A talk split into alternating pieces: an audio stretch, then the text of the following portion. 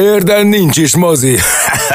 az egész műsor hazugság. Engem nem vernek át. Filmszerész, Filmszerész az Érdefem 1013-on. Minden csütörtökön este 8-tól. Azt hiszik, most jöttem le a falvédőről? Hello mindenkinek, ez itt a Filmszerész, Gellértel és Szabival, Gellért ezúttal a túloldalon, én meg itt a stúdióban. Hello Gellért! Szia Szabi, üdvözlöm a kedves hallgatókat! Na, mit szeretnél volna mondani a szível kapcsolatban? Ja igen, mert szóltam mielőtt elindítottuk a felvételt, hogy az elején beszélnék egy olyan filmről, amit még nem néztem meg. Hát ugye az van, hogy minden olyan nem tudom, produkció, vagy hát minden produkció a közönségnek készül, és hát az a jó, hogyha vannak visszajelzések, és az a helyzet Szabi, hogy minket úgy tűnik, hogy hallgatnak, mert már így kívánságok is vannak, Na. és nagyon sokan uh, írnak rám, vagy hát viszonylag sokan, nyilván nem egy kisvárosnyi mennyiségű ember, de uh, ahhoz képest, mintha nem írnának, nem írnának uh, sehányan. Sokan írnak, hogy a Szösziről majd mikor domálunk, mert ugye ez már egy három hetes bemutató, ez a Marilyn Monroe-nak egy ö, ö, életrajzi filmje, pontosabban róla szól, Andrew Dominic rendezte, és 147 perces, és hogy ö, ö, rettenetesen ö, nagy felbúzdulás volt körül, tehát nagyon-nagyon megosztja a, a közönséget, és hát én hétről hétre megígérem, hogy megnézem, aztán valahogy soha ö, nem jön össze a dolog, Egyébként az jut róla eszembe, és akkor az gyorsan elmondanám, hogy azért beszélek erről, mert tényleg meg fogom nézni, és amit megnézem, beszélünk róla a, a műsorba, hogy én ezért szeretem jobban a mozit például. Tehát így praktikusan is jobb a mozi, ahhoz tudnám hasonlítani, és hogy ez szerintem abban a szempontból egy jó példa, hogy az is jó dolog, hogy amikor az ember elmegy szaunázni, akkor utána, a szauna után így le kell magadat hűteni. Tehát általában meglehetősen drasztikusan. Igen. És akkor odaállsz, nem tudom, egy dézsa alá, vagy valami alá, és akkor az egy nagyon erős döntés, hogy megnyomod azt a gombot, vagy meghúzod azt a láncot, és akkor rád zúdul a hideg víz. Na, most ilyen szerintem a mozi hogy bemész, és akkor megnézel egy filmet, mondjuk adott esetben, ha nálunk játszották volna a szöszit, és akkor onnantól kezdve nincs laca-faca, azzal a filmmel együtt leszel 147 percen keresztül, Míg mondjuk, ha otthon nézel egy filmet, mert az a film streaming film, akkor az olyan, mintha egy ilyen hidegvizes medencébe szeretnéd magad lehűteni, és akkor így berakod először csak a, tudom én, a lábujjaidat, aztán egyre nehez, szóval ne, nehéz belemenni a hideg vízbe. Ja, értem, és akkor ebben a szituációban vagy most. Igen, igen, igen, hogy, hogy van itt előttem egy ilyen hegy, egy, egy ilyen filmhegy, amit így meg kéne mászni, és pontosan tudom, hogy nagyon nehezen befogadható film, amit olvastam róla, kifejezetten erőteljes érzelmeket is korbácsol, meg ahhoz képest, hogy egy nagy hollywoodi filmsztáról szól, tele van ilyen elidegenítő hatással, és hát egyszerűen még nem vettem azt a nagy levegőt ami, ami ahhoz szükségeltetik, hogy megnézzem, de ígérem, hogy ez meg fog történni, mert egyébként meg rettentően érdekel, és hogy tök jó lett volna, ha legalább limitált vetítésszámba eljut hozzánk a, a mozikba, csak állítólag a Netflix-el nagyon-nagyon nehéz ilyen megállapodásokat kötni. Ugye vetítettek nálunk néhány Netflix filmet pár évvel ezelőtt mozikba, például a, az Irishman, meg a házassági történet, ezek mentek, de, de nem volt könnyű velük, és szerintem ezért nem is próbálkozik több forgalmazó. Na de majd akkor összeszeded magad, és akkor megnézed a Szöszi című filmet, most viszont jön a, a műsor ismertetés. Filmszerész a mai epizód tartalmából. Ha október, akkor ugye jönnek a horrorok, mert hogy október a Halloween hónapja, és a teljesen érthetően a legújabb Halloween trilógiának a befejező darabja, a Halloween véget ér című, is most kerül a mozikba, úgyhogy ez lesz a hét filmje, két megszóláson keresztül is beszélünk majd a Halloween franchise-ról, mert hogy hát egy olyan sorozatról beszélünk, ami a horrorok között a legérdekesebb sorsú, és talán a, hát ha nem is a legtöbb filmmel rendelkező, de hogy az egyik legtöbb filmmel rendelkező horror franchise az biztos, úgyhogy van miről beszélni vele kapcsolatban. Aztán lesz még egy horrorfilm, a Netflixen látható a Harrigan úr telefonja című film, amely egy azonos című Stephen King rövid novella alapján készült, és most debütált a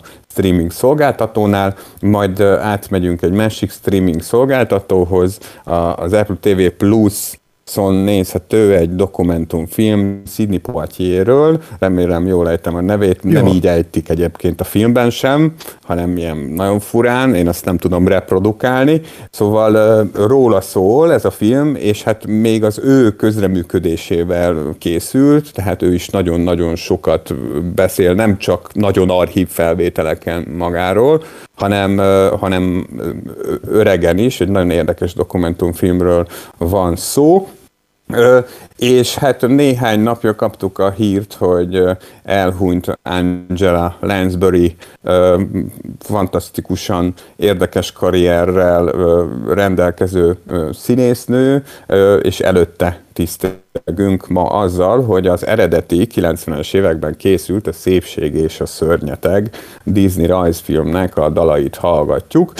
Leginkább azokat, amiben ő is énekelt, mert ő volt, jaj, hogy is hívták a kannát, Mrs. Potts, Uh-huh. Ő, ő, ő volt eredetileg a, a hangja a rajzfilmben, és hát énekelt is természetesen, mert hogy a szépség és a szörnyeteg az tulajdonképpen egy musical. Most az a dal következik, ami a leginkább köthető az ő személyéhez, meg hát nyilván a, talán a legfontosabb dal is a rajzfilmben, ez a címadó dal, a Szépség és a Szörnyetek című felvétel. Filmszerész, a hét filmje. Ha van mit tisztába tenni az én fejemben, akkor az a Halloween világegyetem, mármint ami a film, filmeket illeti, mert uh, ugye beszéltünk erről, de hogy én azt sem tudom például, hogy most kijött ez a ez a legutolsó film, az most melyik mihez tartozik, mert ugye volt a 70-es év, nem tudom hányban, 77-ben, vagy mikor a az első Halloween film, és akkor én azt gondoltam, utána jöttek még ilyen Halloween filmek, és azt gondoltam, hogy azok annak a folytatása, de közben nem, hanem ilyen,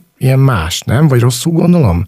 Rosszul Nem, tudom? igazából nem, így is összefoglalható, de szívesen megpróbálom. Csak röviden, uh, röviden. Kicsit, egy, egy kicsit röviden rendszerezni ezt a dolgot. Szóval, hogy 1978-as John Carpenter Halloween című filmje, melyet Debra Hill-el közösen talált ki, ők nagyon sokáig alkották társak voltak, Debra Hilt viszonylag ritkán szokták megemlíteni, legalábbis annyiszor semmiféleképpen, mint ahányszor John Carpentert, aki ugye a horror műfajnak az egyik úttörője volt, legalábbis a modern horroré mindenféleképpen. A Halloween az azért is tudott egy, egy rendkívül érdekes és a mai napig élő franchise-án válni, mert ugye magát az ünnepkört ö, személyisíti meg tulajdonképpen ez a horrorfilm. A szimbólumai, a filmnek a szimbólumai azok ugye egybeesnek a, a, a Halloween ünnep szimbólumaival, a tök, meg a sorozatgyilkos, meg,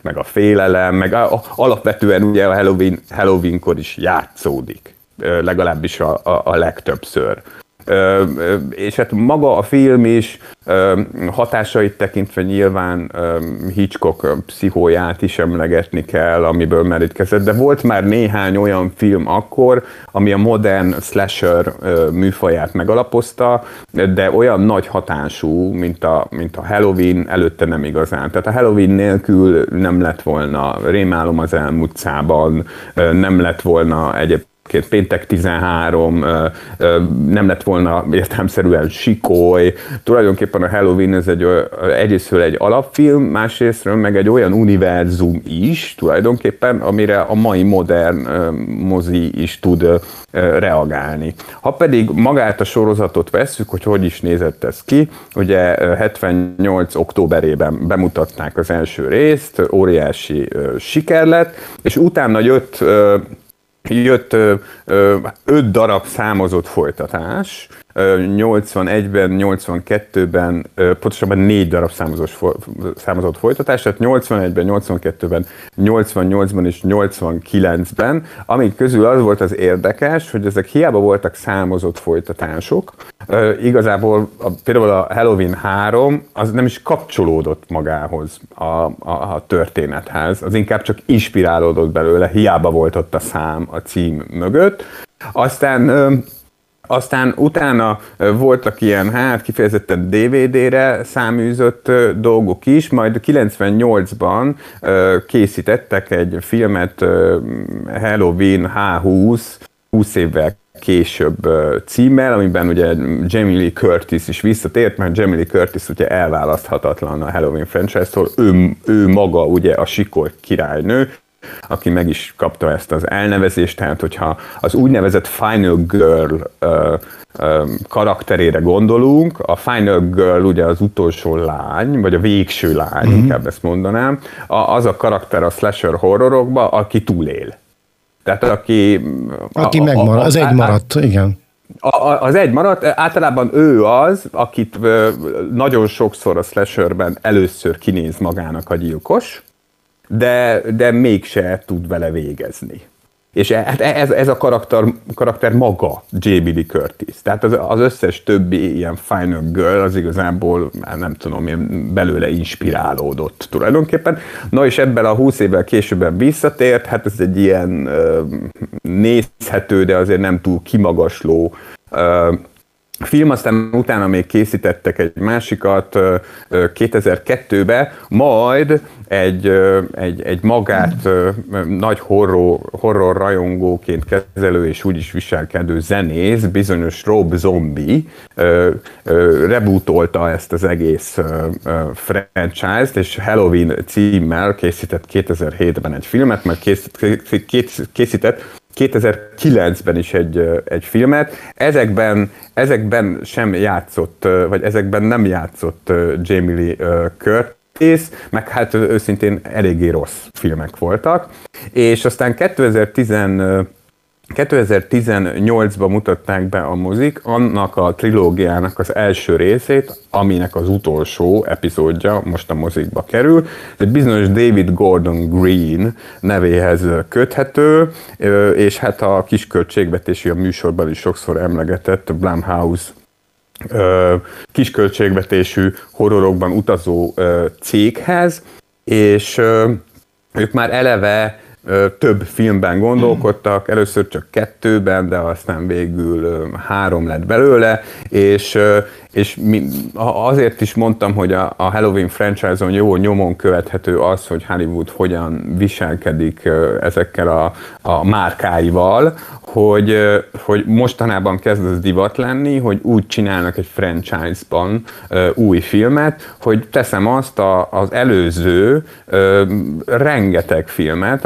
készült, az időrendet, meg a történéseket tekintve, abszolút, de figyelmen kívül hagyják. És ez a Halloween, a 2018-as, ez története szerint úgy csinált, mintha nem létezett volna mögötte az a kismillió Halloween film, csak kizárólag az első a 78-as. Mint hogyha azóta nem hallottunk volna semmit a Jamie Lee Curtis által játszott figuráról, és 40 év után térünk vissza ebbe a, a kisvárosba.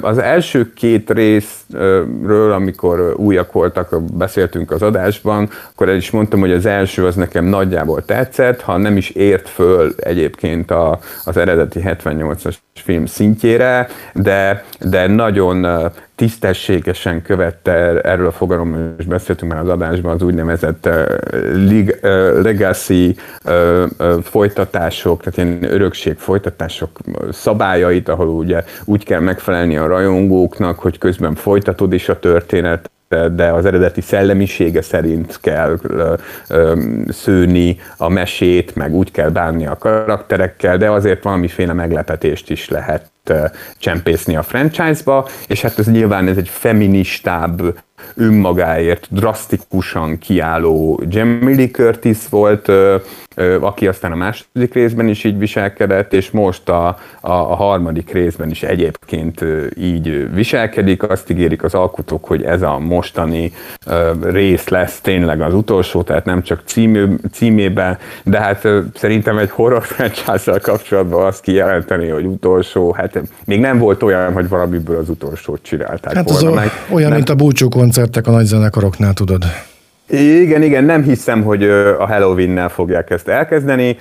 Minden esetre azt tulajdonképpen, a, amikor majd pár perc múlva beszélünk erről az új filmről részletesebben, akkor se lenne spoiler, de most se spoiler, mert maguk az alkotók is beszéltek erről, hogy lezárják ezt a nagy történetet, tehát meg, megtörténik a végső nagy leszámolás, aztán, hogy ez a jövőre nézve mit jelent majd, az majd kiderül sokkal később, az meg, hogy mit gondolok erről az új filmről, az meg nem sokára kiderül majd egy zene után.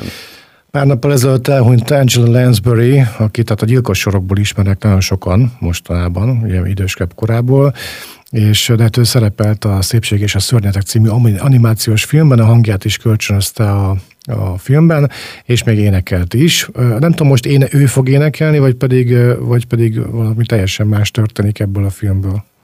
Hát most a Be Our West című dalt hallgatjuk, amiben uh, tulajdonképpen szinte az összes szereplő énekel a rajzfilmben. Ez egy ilyen nagy revű dal tehát ő is, ő is énekel. Egyébként Lansbury-vel kapcsolatban érdemes még azt is talán megjegyezni, hogy ezt talán kevesen tudják róla, mert valóban leginkább a tévében nyomozó nénihez kötik a, a, az arcát, hogy ő egy három Oscar díjra jelölt színésznő volt. Tehát pályája korai szakaszán jelölték, és, és hatalmas Broadway sztár. Tehát uh-huh. ő, ő, ő a színpadon is rengeteget szerepelt számos, nem csak zenés darabba, de nagyon-nagyon sok darabba, tehát nem, az, hogy ő a, a szépség és a szörnyetekben énekelt, az egyáltalán nem volt idegen tőle. Filmszerész, a hét filmje. Na és akkor a Halloween legújabb epizódjára visszatérve, vagy rátérve, rákanyarodva, milyen volt a film Gellért? hát, jó. Én, én, nem, én nem nagyon szeretek egyébként, vagy ilyen kicsit olcsónak tartom, meg szerintem inkább nem, nem, inkább azt mondom, hogy nem csinálom túl tehetségesen, amikor a filmek címeivel viccelődök, de hogy nekem ez a Halloween véget ér, ez kicsit az, nem tudom, azt jutott eszembe, miután megnéztem, hogy, hogy remélem véget ér, vagy remélem, akkor most már tényleg véget Ez a film valóban olyan volt, hogy véget érhet. Igen, igen, hogy, hogy véget érhet. Nézd, ambíció az volt benne a, a, arról abszolút tudok beszámolni, tehát ö, ö, azért azt lehet érezni, amikor egy alkotó, ez esetben a már ö, előző megszólásban is emlegetett David Gordon Green valóban szívvel, lélekkel szeretne valamit csinálni egy franchise-zal, az ő ö, ö, szenvedélye vagy akarása az egyébként ott is megmutatkozott, hogy az előző filmet, az előző Halloween filmet például a Velencei Filmfesztiválon mutatták be, tehát, hogy ő, ő aktuálisan is szeretne egyébként valamit mondani ezzel az egésszel. Tehát szeretne a történet,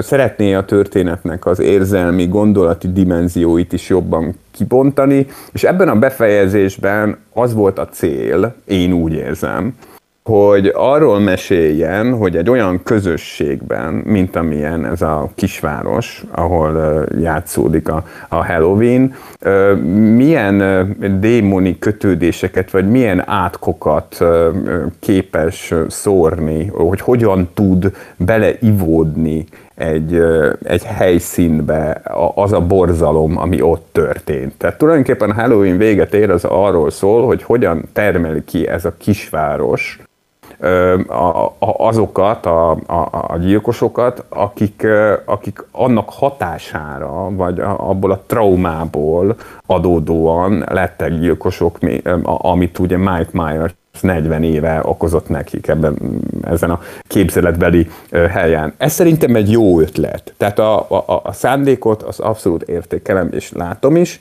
csak nincs ott a filmben, ez valóban, hogy mondjam, úgy, úgy igazán hatásosan, olyan bénácskán van benne, vagy olyan ügyetlenül. Tehát nekem meggyőződésem, hogy nem lehet egyszerre okos és rettenetesen ostoba semmilyen filmet csinálni. Tehát horrorfilmet sem. Tehát vagy, vagy okos vagy, vagy fölvállalod a dumpságodat, és akkor azt mondod, hogy jó, akkor ez egy olyan slasher lesz, amiben ilyen teljesen logikátlan dolgok történnek, a, a karakterek marhasságokat mondanak és csinálnak, de ez zavarba ejtő Halloween véget ér, mert egyrészt tényleg olyan, mint hogyha ennek a Halloween franchise-nak egy ilyen csak kizárólag home videóra szánt folytatása lenne, közben meg tele van érted Nietzsche idézetekkel meg, meg, meg a karakterek halál komolyan beszélgetnek a, nem tudom én, a cseresznye virágzásról a, a plázában, amikor vá, vásárolnak. Szóval úgy komolyan veszi magát. És általában, amikor egy ilyen műfai film komolyan veszi magát, de nem sikerül, na akkor lesz egy kicsit ilyen kínos a hatás. Tehát ekkor, e, ekkor jut eszedbe az, hogy úgy kuncog rajta és, és ne, ne, nem azért, mert azt szeretnék, hogy kuncog rajta. Az vegyes szokott lenni, hogy egy filmnek mennyire áll jól az, hogy a, a, a főszereplője, a sztár, akihez kötik, alkotója is lesz a filmnek, és a Jamie Lee Curtis ugye producere is ennek az új trilógiának, és, és hát ő hangoztatta egyébként azt az utolsó résszel kapcsolatban, hogy itt majd olyan fog történni, hogy a rajongók majd nagyon megharagszanak rájuk, és én ezért arra készültem föl, hogy, hogy majd történik valami váratlan, vagy valami olyan lezárást kapunk, ami, ami mondjuk szembe megy a, a, a horror zsáner szemben támasztott elvárásokkal. De hát semmiféle meglepetést nem okozott ez a, ez a film. Igazából szerintem pont úgy fejezték be, ahol ez, ahogy ez várható volt. Igazából valószínűleg arra gondolhatott a Jamie Lee Curtis, gondolom én, hogy, hogy, hogy, hogy, hogy, a, hogy a végén valóban vala, valami olyasféle uh, finálét uh, kanyarítanak, ami nem az összes horrorfilmre jellemző, de hogy ne lá, nem láttam ilyet még soha, azt véletlenül sem uh, merem állítani. Szóval most már tényleg jó lesz szerintem, hogyha békén hagyják ezt a, a, az egészet, mert az biztos, hogy az nem tesz jót semmilyen franchise-nak.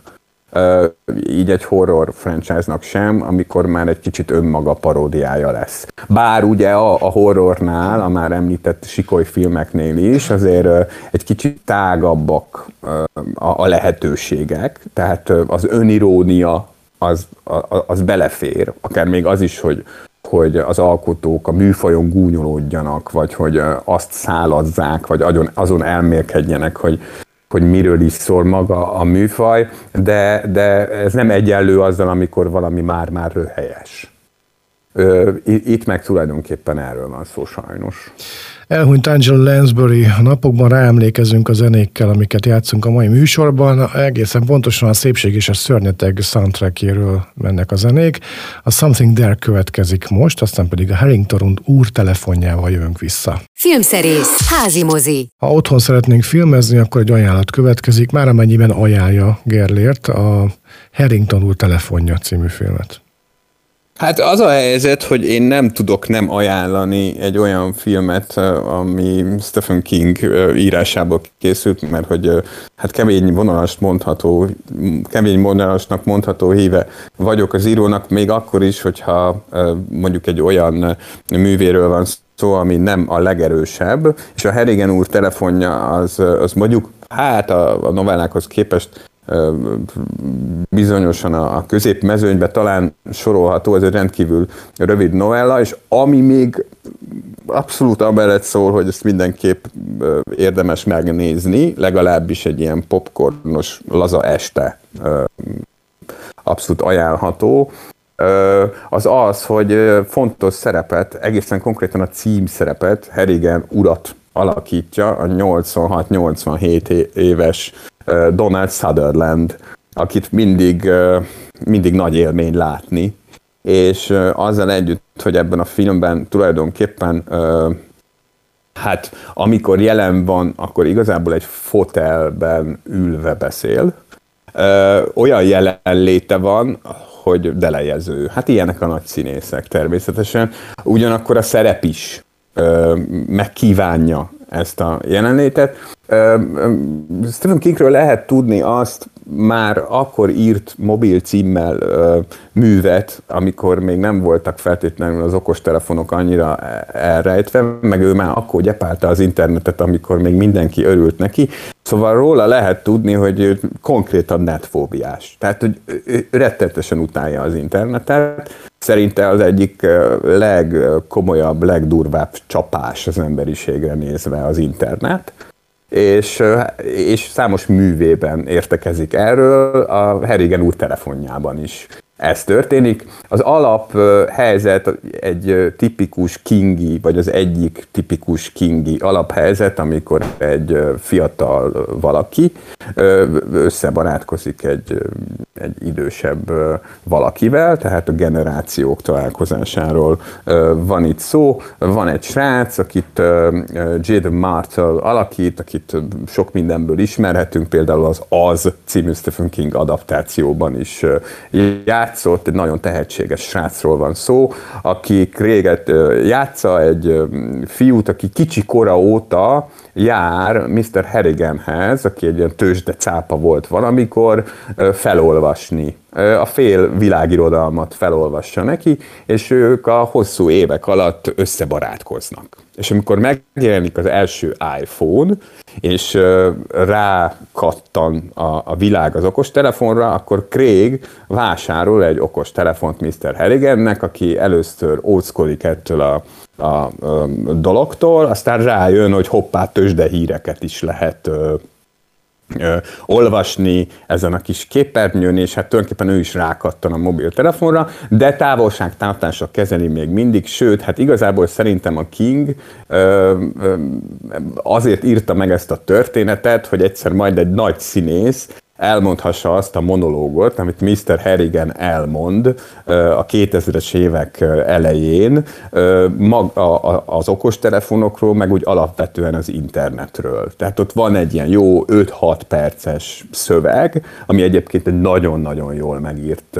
szöveg, a, amiben Stephen King megfogalmazza Donald Sutherlanden keresztül, hogy mit gondol az internetről. Rendkívül érdekes, tehát szerintem tényleg nagyon izgalmas belelátni egy ilyen személyiségnek a fejébe, hogy hogyan viszonyul hozzá. Ugyanakkor meg azt kell mondjam, hogy, hogy bár vannak bölcsességei, de inkább demagóg az ő kiállása, de ami még nagyobb probléma, meg amitől csak erősen közepes a, a Harrigan úr telefonja, az az, hogy igazából meg a történetet közben elfelejtette rendesen kibontani és megírni. Tehát nekem inkább egy, egy nagyon erős, száz perces, vagy nem is nagyon erős, de hogy egy erőteljes száz perces bevezetés maga a történet is, hogy, hogy pontosan mi lesz ebben a horror-szerű, vagy milyen, mi lesz az ő kapcsolatukban a Kingi, az természetesen nem árulom el, legalább ennyi meglepetés legyen a, a filmben, de olyan nagyon-nagyon-nagyon nagy twistre ne számítson senki.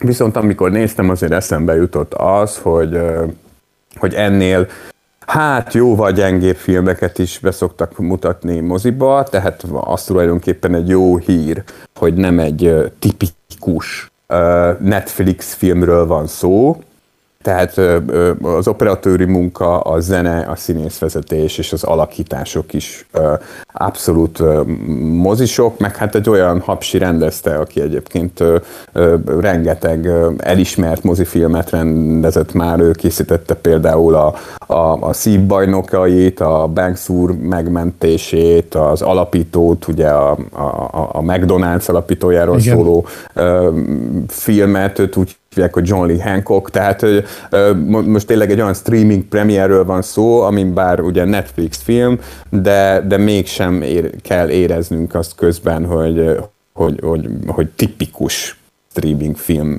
lenne, és hát ebben a minőségében ugye innen indultunk, hogy ez ajánlható-e vagy sem.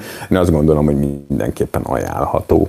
Néhány napja, vagy hát a mostanában hagyott itt bennünket Angela Lansbury, ráemlékezünk ma a zenékkel, a Szépség és a Szörnyetek című filmnek, vagy animációs filmnek a soundtrackjéből válogattunk a mai napon. A the Fair következik ebből a filmből. Igen?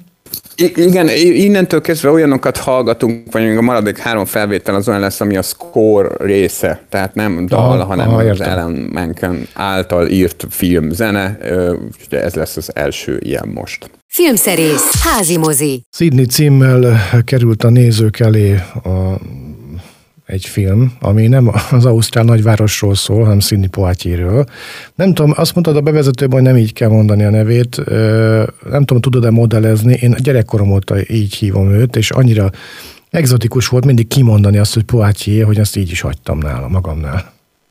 Hát ugye ebben a dokumentumfilmben, ami egyébként az Apple TV Plus produkciója, és ott is látható, ezerféleképpen ejtik. Szidi Poitier, Szidi Potier, Szidi Potier, ilyen, ilyen mindenféle Aha.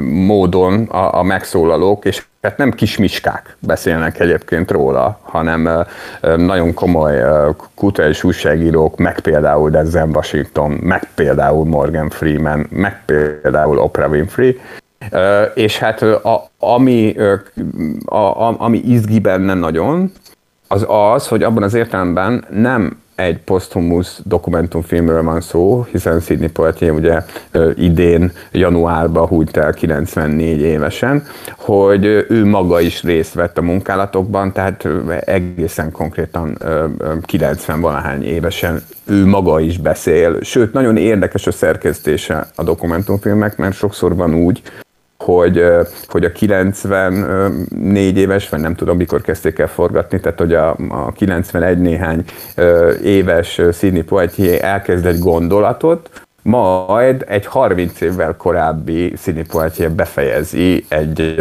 egy régen fölvett mondjuk TV interjúban. És ezzel gondolom én azt is akarják érzékeltetni, hogy ő az a fajta ember volt, aki ugyanúgy mesélte el a dolgokat, tehát magát a megbízhatóságát is szerintem ezzel példázzák, meg, meg azt is, és e, ez az, ami, ami mondjuk értékes nagyon, vagy, vagy, vagy amitől nagyon élvezetes is ez a része is ennek a dokumentumfilmnek, hogy Sidney Poitier fantasztikus mesélő volt. Tehát a, már ahogy elkezdődik a film, és arról mesél, hogy hogy amikor ő, ő, ő ugye bahamai születésű, és, és nagyon-nagyon szegény sorsban nőtt föl, hogy elmeséli azt, hogy milyen érzés volt például életében először uh, meglátni egy autómobilt, vagy milyen érzés volt uh, tükörbe nézni kisgyerekként, mert nagyon sokáig nem tudta, hogy mi az a tükör. Hm. Hogy milyen érzés volt uh, ráébredni a civilizációra. És ezt olyan marha jól, teljesen ösztönösen tök élvezetesen fölépítve meséli, mintha ez meg lenne írva. Pedig nincs megírva, látszik, hogy ezt ő ott meséli, és hát mivel egy zseniális színészről beszélünk, ezért nyilván az előadásmód is rendkívül hatásos tehát ott tart hatásszünetet, ahol kell, és úgy hangsúlyozza, ahogy, ahogy az kell. És hát ugye e, e, ez a dokumentumfilm, ez nyilvánvalóan az ő személyes sorsan kívül arról is szól, hogy Sidney Poitier milyen szerepet töltött be az amerikai és hogy a világ popkultúrájában. Hogy ez egészen konkrétan mit jelentett az ő ö, ö, életében, meg a filmtörténet életében, meg úgy eleve az emberiség történetében, hogy ő volt az első olyan színész, aki a legjobb főszereplő kategóriában ö, Oscar díjat kapott, mert előtte ugye csak mellékszereplőként történt ez meg mással. Ö, és hogy, hogy ő hogyan tört magának utat, és hogyan lett, ö, hogyan, ö, hogyan lett szimbólum az ő tartása eleve az, ahogy merészelt egy olyan világban ö, ö, szerepeket válogatni, ahol egy olyan világban mert válogatni a szerepek között, ahol az afroamerikaiak annak örülhettek, ha egyáltalán szerepet kaptak hogy, hogy ez, a, ez, a, ez a márka, ez a stílus, ez a megjelenés, amihez hozzátartozott az ő szépsége, hozzátartozott az intelligenciája, hozzátartozott nagyon-nagyon sok minden más, ez mennyiben segítette az afroamerikai közösséget az előrelépésben, akár a polgárjogi mozgalmak is mennyit köszönhetnek neki, meg egy kicsit a, a mi történetünk is, mármint hogy teljesen függetlenül attól, hogy milyen a bőrszínünk, annak a története, hogy, hogy, hogy, hogy valóban mennyire Hát mennyire, me, mennyire bonyolult dolog is a, a, a, az, az együttélés, hogy, hogy, hogy, hogy milyen, milyen elemi erejű gonoszság ö, rejlik a rasszizmus mögött. Vagy, vagy tehát az is rögtön, még nem telik el érted negyed óra a filmből, de már, ö, már elmeséli, már már megtörténik az, a, a, amikor elmeséli, hogy amikor ő a Bahamákról Amerikába került, és először találkozott magával, a, a rassz problémával. Tehát azzal, hogy, hogy az ő bőrszíne az egyes emberek szemében nem oké. Okay. Tehát amikor ezzel találkozott, már, már, az egy olyan erejű történet, ami, ami bár én ezt a sztorit egyébként már régebben hallottam, de így előadva, vagy így elmesélve, és ilyen arri felvételekkel kísérve, ilyen hatással tényleg letaglózó erejű. Tehát, hogy hogy ez nem csak egy dokumentumfilm a, a sok közül, hanem, hanem valóban egyébként egy képileg is nagyon izgalmasan uh, megcsinált uh, alkotás, és hogyha jól tudom, és akkor ez most egy ilyen mellékajánlat, ha jól tudom, akkor a filmhez kapcsolódva az Apple TV Plus-on néhány hétig, uh, azt nem tudom, hogy magyar vonatkozással, tehát hogy magyar felirattal le, vagy magyar szinkronnal, ennek nem néztem utána, de néhány nagyobb filmje ingyen elérhető vált ehhez, ehhez kapcsolódóan, tehát hogyha valaki szeretné magát föl, fölhozni Sidney Poitier életművéből, akkor most többszörösen is lehetőség nyílik rá. Itt hagyott bennünket megint a napokban egy színésznő, Angela Lansbury-nak hívják őt, és a, az ő emlékére ráemlékezve a Szépség és a Szörnyetek című mm, animációs filmben játszunk zenéket. Ezúttal a West Wing című nem soundtrack tételt, hanem a mi score, score, igen. score tételt fogjuk előadni, és aztán lassan elbúcsúzunk mindjárt. Itt a Filmszerész. Az Érdefem 1013 filmes, tévés, mozis magazinja. Kérjük, pontosan állítsa be a készülékén az élességet. Sajnos lassan véget ér a műsorunk, néhány perc van hátra belőle, ami arra lesz elegendő, hogy Gellért elmondja, hogy a jövő héten körülbelül mivel, mivel fogunk foglalkozni.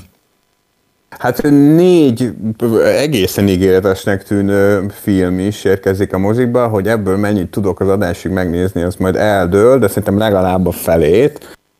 És mindenféle műfajban lesznek érdekes filmek. Lesz egy képregényfilm, a Black Adam de nem fordították le, tehát nem Fekete Ádám, hanem Black Adamnek hívják ezt a DC szuperhőst, akit Dwayne Johnson alakít, de egyébként lesz a filmben például Pierce Brosnan is. Aztán jön egy magyar film, az a magyar film, amelyet most Oscarra nevezünk, tehát miután Oscarra neveztük, meg is tekinthetjük ezt a filmet. Az a címe, hogy Blokád, és hát a híres évtizedekkel ezelőtt történt magyar taxis blokádról szól, de leginkább Antal József életéről, mert hogy a fiatal Antal Józsefet is megismerhetjük benne a magyar egykori miniszterelnököt, vagy jön egy Sissi film, eh, egy új Sissi film, egy állítólagosan nagyon izgalmas és újszerű Sissi film, amelynek az a címe, hogy fűző, és egy csodálatos színésznő játsza Erzsébet császárnét, akit Vicky Creepsnek hívnak. Ő volt például a Phantom Szál című Paul Thomas Anderson filmnek a női főszereplője is. Aztán jön egy bájos brit uh, végjátéknak uh, tűnő bájos brit végjáték, a Mrs. Harris Párizsba megy, ami meg a, arról szól, hogy van egy nő az 50-es években, aki a Mrs. Harris, és elmegy Párizsba. és elmegy Párizsba, de hogy ő azért megy el Párizsba, mert nagyon-nagyon szereti a divatvilágot, és egy fordulat okán egy nagyobb összeghez jut, tehát már nem lesz annyira szegény, és ő kitalálja, hogy ő elmegy Párizsba, és vesz magának egy Dior ruhát. Tehát fogja a kis pénztárcáját, és elmegy Párizsba, és hát kiderül, hogy ez, ez nem egészen így működik hogy valaki oda megy, és akkor vásárol egy dióruhát, és hát arról szól gondolom majd ez a film, hogy ez hogy működik egy ilyen kedves kis brit vígjátékban. Köszönjük szépen a mai figyelmet, keressék meg podcastjainkat, és akkor meg tudják hallgatni régebbi adásainkat, tök jó, és hát a Gellért még elmondja, hogy milyen dallal emlékezünk a nemrégiben elhunyt Angela Lansbury-re. Hát azt a tételt fogjuk meghallgatni Ellen Menken film zenéjéből, rajzfilm zenéjéből, ami ugye hát a végén nagy katartikus pillanat, ez, ez ki is derül a címéből, Transformation, a címe, tehát átváltozás, és hát hogyha a szépség és a szörnyetekből beszélünk, akkor és ismerjük a történetet, akkor sejthetjük, hogy miféle átváltozás zajlik majd ezen a felvételen is, vagy hogy miféle átváltozást kísért ez a felvétel. Valóban ezzel búcsúzunk, és ha minden igaz, akkor jövő héten újra találkozunk. Addig is nagyon vigyázzanak magukra. Minden jót! Ez volt a Filmszerész, az Érdefem 1013 filmes tévés mozis magazinja.